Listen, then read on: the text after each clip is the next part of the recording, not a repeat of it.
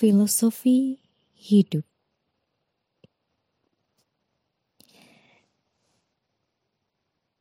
Episode aku kali ini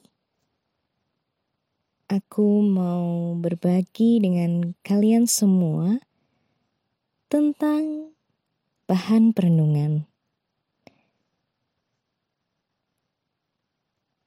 Pernah gak sih kalian ngerasa terbawa perasaan begitu? Seperti sedih, bahagia, dan selalu perasaan yang menjadi dominan dalam hidup kalian. Ya, pasti pernah kan? Kita sering menyebutnya dengan baper atau terbawa perasaan.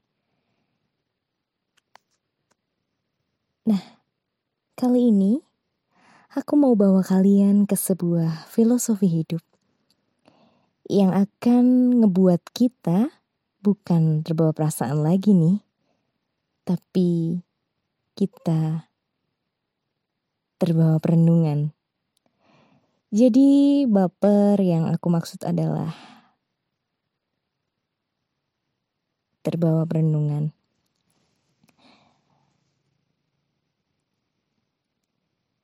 Ya, tentang sebuah pensil. Dari sebuah pensil aja kita bisa ambil pelajaran yang berharga. Yang pertama, tahukah kalian bahwa ketika pensil itu menjadi berguna. Kenapa? Karena ada seseorang yang menggunakannya. Dan kita nggak boleh lupa kalau kita ini seperti pensil. Ibarat pensil, kita sudah dibimbing olehnya melalui hal-hal dalam kehidupan.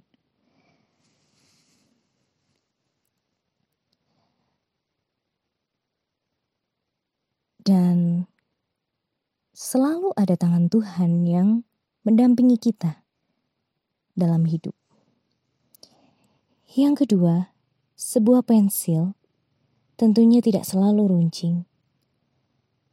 Ada kalanya pensil perlu diraut. Dan ketika melewati masa raut itu, kita akan ngerasain sakit, pedih, dan gak enak banget dalam hidup. Tapi tahukah kamu, setelah pensil itu diraut, pensil itu akan menjadi lebih berguna. Dia akan menjadi runcing kembali, dia akan menjadi lebih berguna. Yang ketiga, tentunya dalam kehidupan ini, kita pernah ngelakuin kesalahan-kesalahan. Gak apa-apa, kita ngelakuin kesalahan.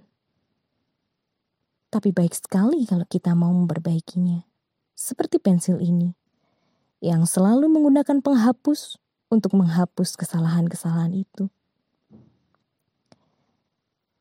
Dan yang keempat, yang paling penting adalah sebatang pensil bukanlah bagian luarnya yang dari kayu, melainkan bahan grafit di dalamnya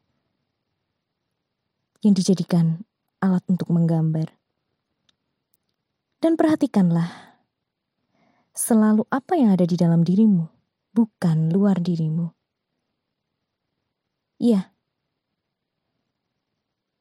aku pernah melihat suatu video motivasi bahwa ketika kita mau melakukan sesuatu, tanya, tanya dirimu, apakah kamu memang ingin melakukan itu, atau ada pengaruh dari luar, jangan sampai dari luar itu mempengaruhimu. Dan yang terakhir, pensil selalu meninggalkan bekas. Oleh karenanya, alangkah baiknya kita meninggalkan bekas kebaikan di dalam hidup ini. Walau kebaikan tidak selalu dibalas dengan kebaikan, Bahkan terkadang kebaikan dibalas dengan kejahatan. Gak apa-apa. Yang penting kita melakukan kebaikan. Ya, jadikan ini sebagai bahan perundunganmu juga. Tetap semangat, semangat.